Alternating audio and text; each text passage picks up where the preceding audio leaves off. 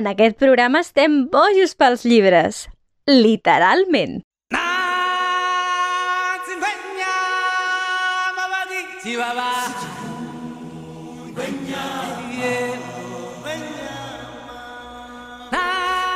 Ben, benvinguts a un programa més de liter, Literalment.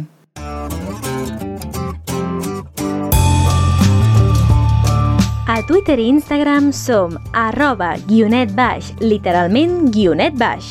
Segueix-nos i digues la teva.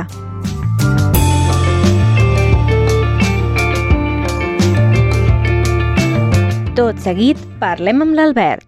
Parlem d'històries, parlem de literatura, parlem de relats.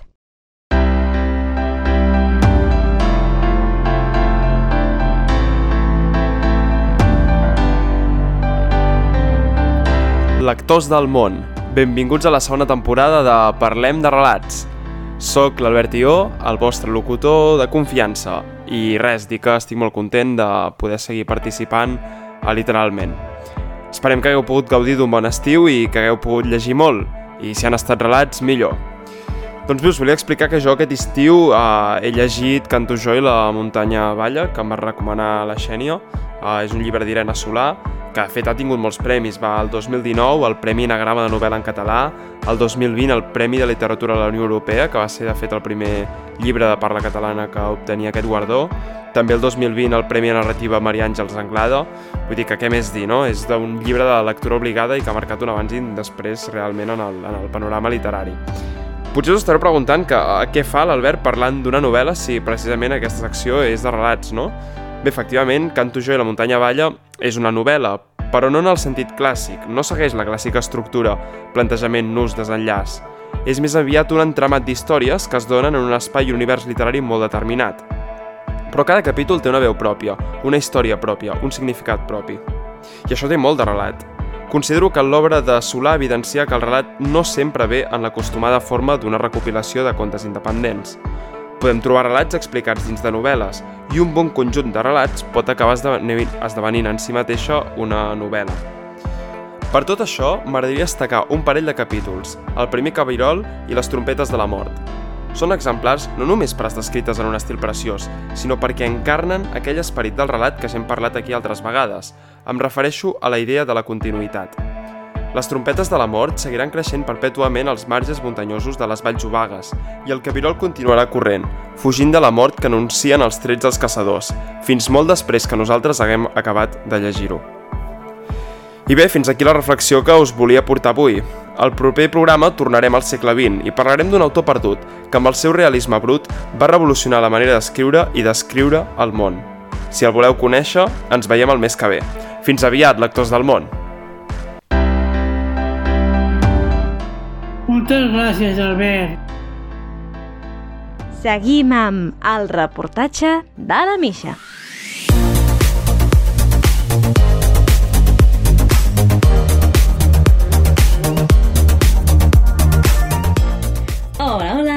Aquí la Misha amb el reportatge. Amb la tardor, les novetats literàries surten com bolets, però avui em volia centrar en aquelles novel·les que s'estan publicant per primera vegada en català o s'estan reeditant després de molts anys descatalogades. Aquests mesos hi ha editorials que faran història i he pogut parlar amb algunes de les persones involucrades. Comencem descobrint què es cou a l'editorial Raig Verd a través d'una de les seves editores i cofundadores. Hola, sóc la Laura Huerga de l'editorial Raig Verd i les meves recomanacions de l'editorial per aquest trimestre bé, serien unes quantes perquè a Raig Verd estem fent aquesta funció una mica de recuperar grans clàssics, clàssics no, no obvis, com veureu ara mateix, però, però clàssics que, que creiem que han d'estar en les nostres llibreries. D'una banda estaria la saga, bueno, saga del cicle Terramar, uh, d'Úrsula Caleguin, que acabarem de publicar amb el sisè llibre i últim a febrer de l'any vinent. Uh, D'altra està l'obra El diable a la creu, que és un dels clàssics de la literatura africana internacional que és el canvi de paradigma a, a denunciar el neocolonialisme a l'Àfrica, una obra imprescindible, us la recomano molt. La recuperació també de L'home revoltat, d'Albert Camus, eh, que també em semblava que era una obra que havia d'estar en llengua catalana. I per últim, sí, també publiquem Dune, de Frank Herbert, en català, una obra que ja s'havia publicat ja fa molts anys i que ara recuperem junt amb els companys de l'editorial Mai Més, fem una coedició i és una, una feina que ens agrada molt i que, i que ens agrada reivindicar. Gràcies.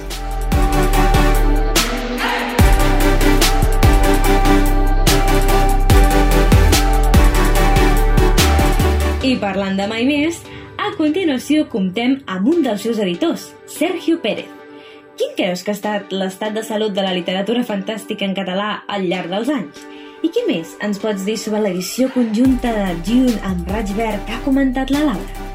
Mai més és un segell especialitzat en la literatura fantàstica. Això és llibres de ciència-ficció, fantasia i terror. Aquests són gèneres que en català sempre han estat molt maltractats. Històricament s'ha publicat poc i de forma discontínua. Així que nosaltres quan enfrontem les nostres publicacions ho fem sovint parlant de reparació històrica.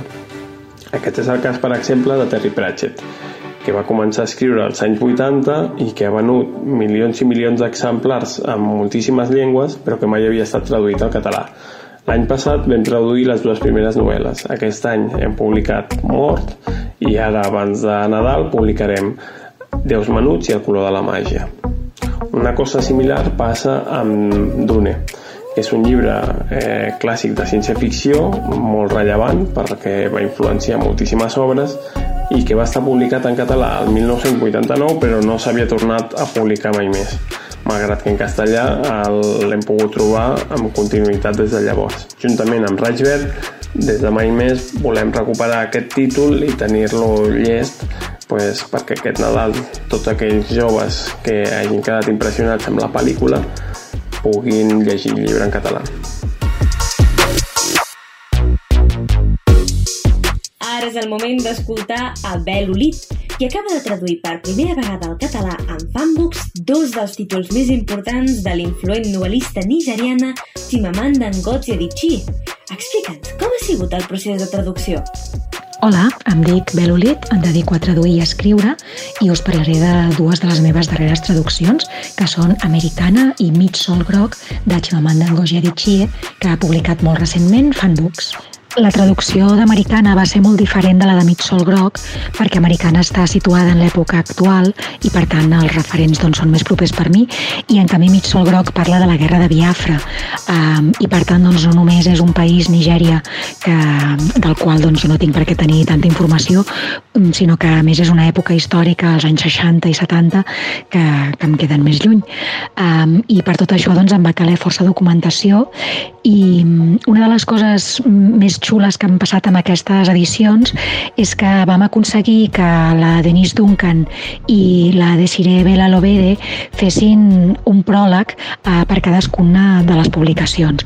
La Denise Bela Lobede, que és activista estètica, el va fer per Americana, en què aquesta qüestió doncs, té molt de pes, i la Denise Duncan, que és escriptora, dramaturga i, i també doncs, que, que ha escrit bastant sobre la diàspora eh, afrodescendent, doncs doncs, va escriure el pròleg de Mig Sol Groc, també doncs, coincidint amb, amb la seva experiència de, de família de la diàspora. I crec que és un luxe tenir en català doncs, aquestes edicions amb aquests pròlegs d'escriptores de, catalanes que, que parlen amb coneixement de causa.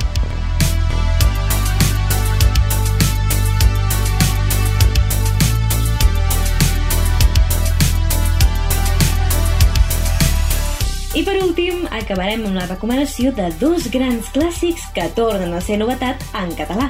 Ens els presenta en Jordi Casals, escriptor i codirector d'una col·lecció de literatura de gènere fantàstic que no us podeu perdre. Hola, bones. Sóc en Jordi Casals i us vinc a parlar de dues novetats d'aquesta tardor de la col·lecció de literatura fantàstica L'Arcam, que publica l'editorial Laertes. Al setembre, tot just fa 20 dies, eh, hem reeditat la Guia Galàctica per a Autoestopistes, la novel·la que va escriure Douglas Adams i que s'ha convertit en gairebé la pedra fundacional del friquisme. Tot i que ja l'havien publicat l'any 1994, l'edició d'aquest 2021 és ben diferent. Després de recomprar els drets, ens vam posar en contacte amb el mateix traductor, l'Eduard Castanyo, qui ha fet una profunda revisió i actualització del text, i pel que fa a la portada, és obra del conegut i premiat ninotaire Albert Montells. Si encara no sabeu per què el Festival de Literatura Fantàstica de Barcelona porta per títol el número 42, us emplaço a llegir La Guia Galàctica per Autoestopistes, una novel·la hilarant amb un humor britànic que de ben segur us farà passar una bona estona. D'altra banda, ens fa molt contents poder-vos anunciar que al finals d'aquest mes d'octubre arribarà a les llibreries i per primer cop en català el primer volum de Conan el Bàrbar, o Conan el Cimeri, el personatge més conegut de l'escriptor texà Robert Irving Howard. Conan, una icona de la literatura d'espasa i bruixeria, de la fantasia èpica, a qui s'han dedicat un bon grapat de pel·lis, estudis i còmics de la Marvel, mai havia estat traduït a la nostra llengua. La traducció ha anat a càrrec d'en Jordi Vidal Tubau i la il·lustració de la portada del dibuixant de còmics i il·lustrador Toni Benages. La dificultat que ens hem trobat amb Conan és que Howard va escriure les històries sense cap ordre cronològic, el més fàcil hagués estat recopilar-les amb el mateix ordre en què ell les va publicar, però hem preferit estudiar els relats, consultar els experts en Howard i en Conan i recopilar relats de Conan amb un ordre que va des del Conan adolescent fins al més madur. I per Chrome, que ens ha quedat un llibre espectacular. Doncs li haurem de donar una bona ullada. Moltes gràcies, Jordi, i gràcies també a la resta per participar ha quedat clar que aquesta tardor serà ben intensa. Ja sabeu quina novetat llegireu primer? Fins a la propera. Adeu!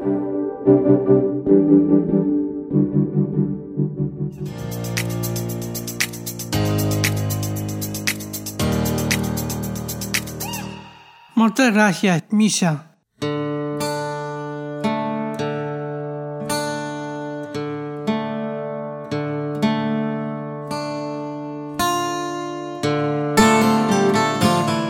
per tots els déus i deeses. A continuació, la Júlia ens porta a la seva secció Mitologia en femení.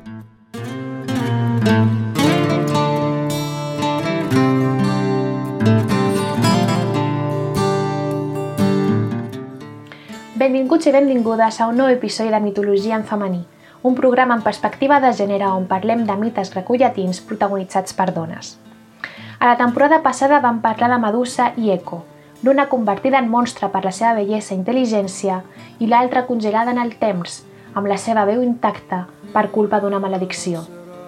Si voleu saber-ne més d'aquestes dues dones, us recomano fer-li una ullada als programes anteriors per conèixer les seves històries.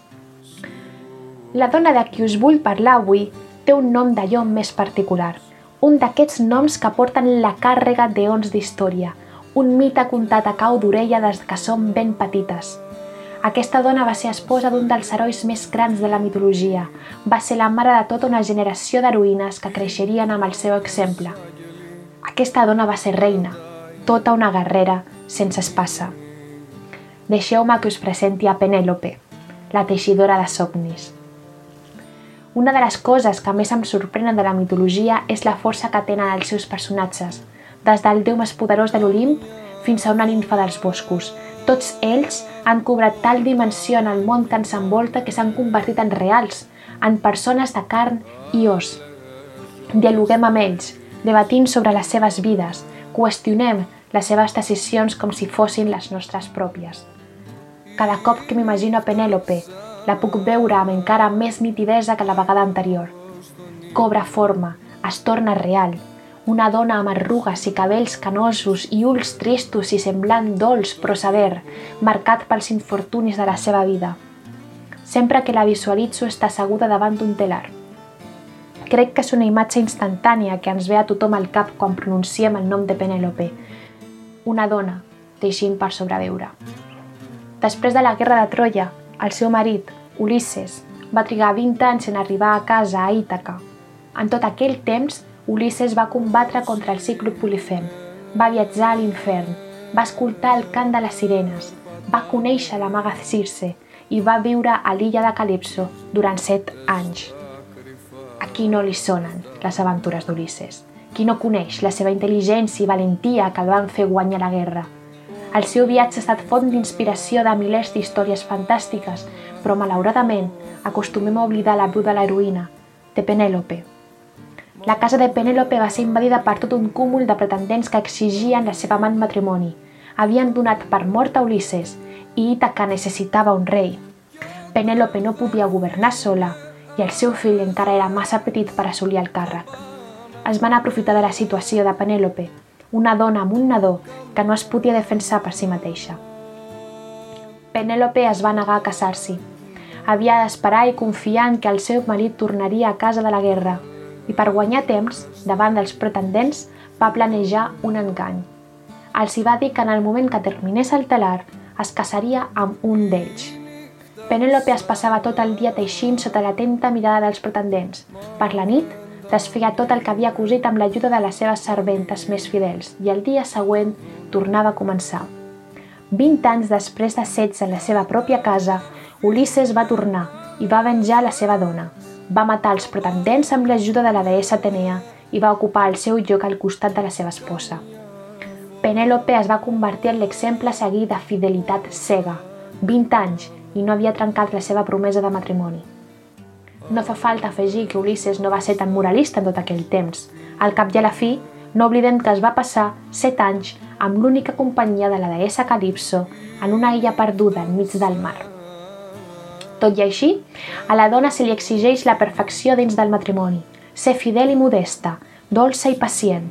Penèlope havia complit amb la seva obligació com a esposa, havia resistit, s'havia apartat de la temptació, havia conservat intacte el seu amor per Ulisses.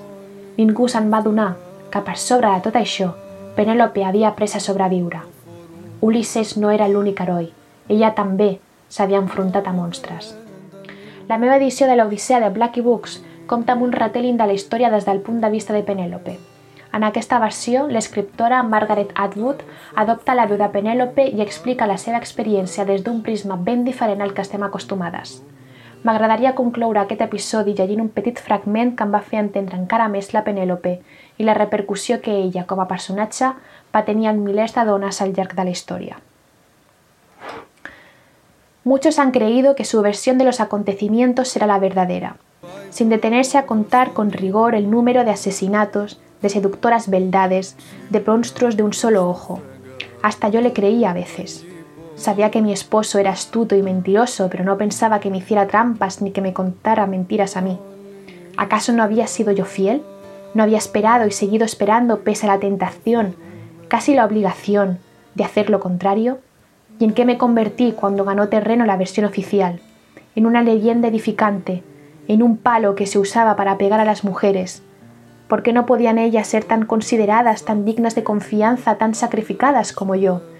Esa fue la interpretación que eligieron los rapsodos, los recitadores de historias.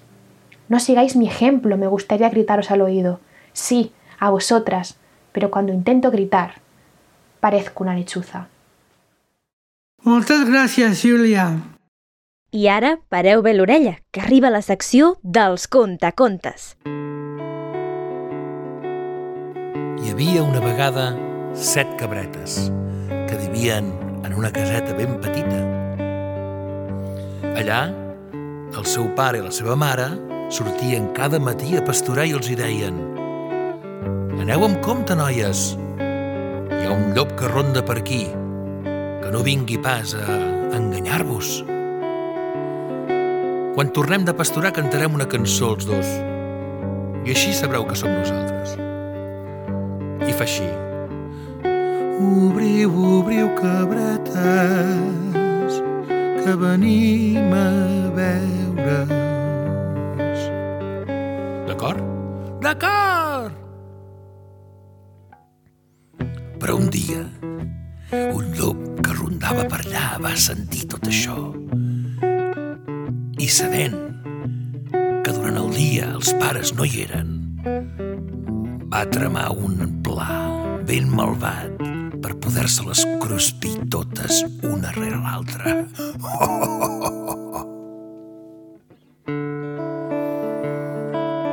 Aquell mateix dia a la tarda, de sobte van trucar a la porta. Toc, toc, toc. Qui hi ha? Van dir les cabretes. Sóc el vostre pare. Però, a veure, canta la cançó? Cabretes, que vinc de pasturar. Obriu, no em feu dentetes. I de seguida se'n van adonar que ell no era el pare, era el llop. Vés-te'n d'aquí, malvat! No ens enganyaràs pas! Uf, havia anat de poc, però uf, se n'havien sortit.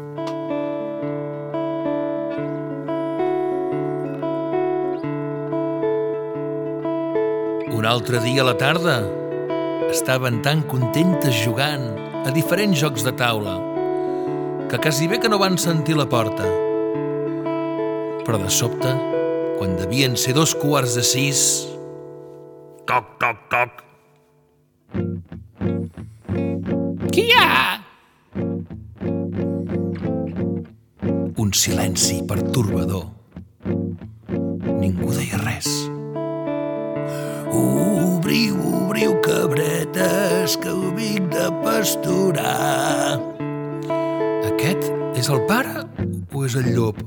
Ensenya'ns la poteta. El pare i la mare les tenen blanques. I el llop, molt llest, havia anat al molí i s'havia enfrinat la pota. Per tant, va posar la pota per sota i les cabretes van pensar que sí, que eren el pare o la mare. I li van obrir la porta.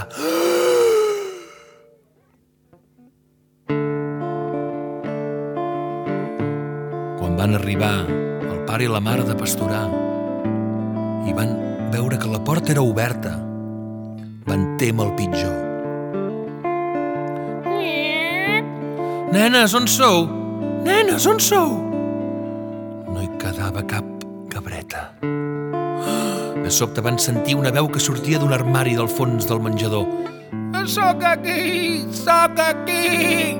Era la cabreta més petita, que per sort havia pogut escapar i els hi va explicar que el llop finalment se les havia menjat totes menys ella i que ara estava a prop del riu descansant. Ah, sí? El pare i la mare no van dubtar gens. Van agafar unes tisores ben grosses i un cabàs per posar-hi pedres i de camí cap al riu van omplir el cabàs de pedres cada cop més grosses i pesants.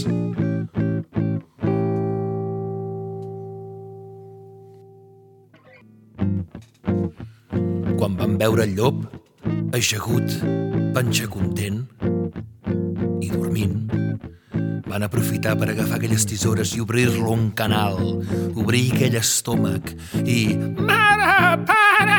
Les cabretes van poder sortir. Per fi.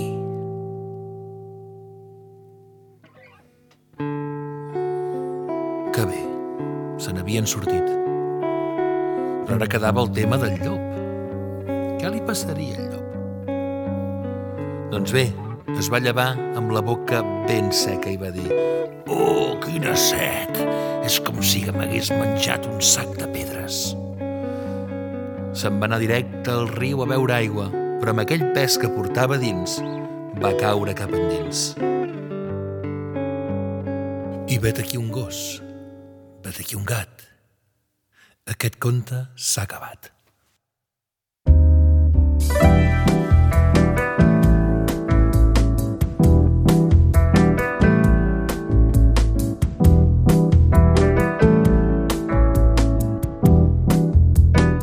Prepareu la maleta perquè a continuació viatgem a la Catalunya japonesa del Juan.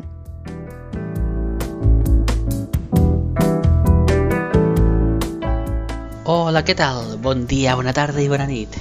Soc Joan Garcia i estic encantat d'estar una temporada més aquí, a Literalment, amb tots vosaltres, per tal de conèixer històries i curiositats eh, sobre la literatura japonesa. Avui, per començar, us vinc a parlar d'un dels escriptors essencials de la literatura japonesa i parlarem de Osamu Dazai, i el qual doncs, va tenir una vida curta però intensa. Li va donar temps, això sí, de mostrar el seu turmentós pensament rebel i inconformista davant de la societat. Doncs va néixer el 1909 amb el, amb el nom real de Shuji Tsushima, a una família aristòcrata. es va criar amb contes de la seva àvia i aviat va agafar el pseudònim de Osamu Dazai. Era molt tímid i es refugiava a la lectura, encara que tenia una actitud humorística per tal d'ocultar la seva afligida naturalesa. A la seva etapa estudiantil no assistia a classes i més endavant, sobre els anys 20, va ingressar al Partit Comunista, encara que això sí es burlava d'aquestes idees en vàries de les seves obres, com podem trobar a Indigno de ser humano. Un altre tret característic fou la idea del suïcidi, sempre que sempre rondava el seu cap. Ho va intentar en diverses vegades, precisament. El primer intent mm, va ser en companyia d'una desconeguda que volia suïcidar-se perquè estava igual de desesperada com ell es van llançar al mar, però eh, ella va, va morir lamentablement i ell, doncs, a uns pescadors el van rescatar que el van trobar a l'aigua. Idees d'aquestes seves, del tema del suïcidi, el podem trobar a l'obra Repudiados. I més endavant, Dazai doncs, va dedicar-se a escriure textos curts per poder vendre'ls. A l'obra Recuerdos conté algun dels relats més populars de l'autor encara que més endavant doncs, això sí va caure a l'addicció de l'alcohol i la morfina i els, els seus relats doncs, els escrivia sota aquests efectes mig adormit. Més endavant, al 1941, Osamu Dazai va rebre instruccions militars de que no era apte per al cos.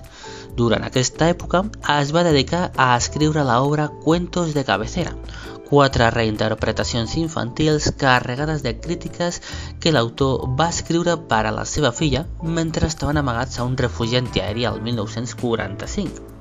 Uh, I el 1948, més endavant, va publicar La felicitat de la família, un relat sobre la decadència d'una relació entre un home i una dona. I és que Dazai mostrava una tremenda sensibilitat al representar tant a dones com a homes. Sobretot tenia una predilecció en concret per la vida tortuosa de les dones, com podem eh, comprovar als, als contes que va escriure de Colegiala. Però les seves dues obres més importants van ser El ocaso i Indigno de ser humano. En amb dues obres, Dazai capta l'ambient de transició i caos de la postguerra. En Indigno de ser humano, l'autor el que tracta és d'analitzar què és allò que li fa ser humà, la, i la seva darrera obra de la seva vida va ser Goodbye, on Dazai estava molt deteriorat degut a la tuberculosi que patia. I llavors, el 13 de juny, va decidir suïcidar-se en companyia de la seva amant al riu Tama. I cada 19 de juny, que és el dia que eh, la policia va trobar el seu cos, doncs eh, una quantitat de joves es congreguen sempre al Senrinji, el lloc on descansa la tomba de Osamu Dazai, on li rendeixen homenatge cada any. Doncs eh, seria això, espero que us hagi agradat aquesta història d'aquest grandíssim escritor i eh, només recordar-vos, a moda ja canviant una miqueta de, de tema, que en l'àmbit cultural aquest mes d'octubre, finals, eh, celebra a Barcelona al Saló del Manga, on també podreu trobar eh, diverses quantitats de, de propostes literàries, que espero que també us agradin molt. Per la meva part, doncs seria tot en aquesta ocasió. Eh, us trobo la, el pròxim mes, a la pròxima secció, i deixeu-nos totes les vostres eh, opinions i suggerències a les nostres xarxes socials. Doncs una salutació i espero que ho passeu molt bé. A reveure!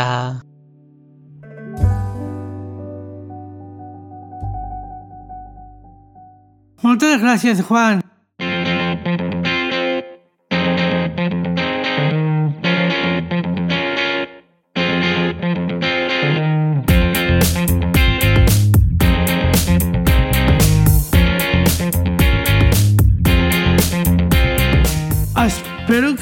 Hagi agradat el programa d'avui i moltes gràcies als nostres col·laboradors.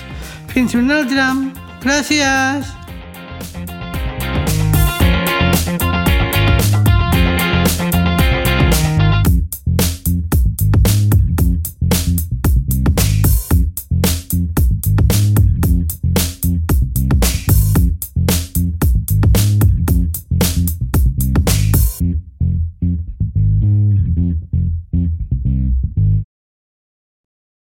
Literalment.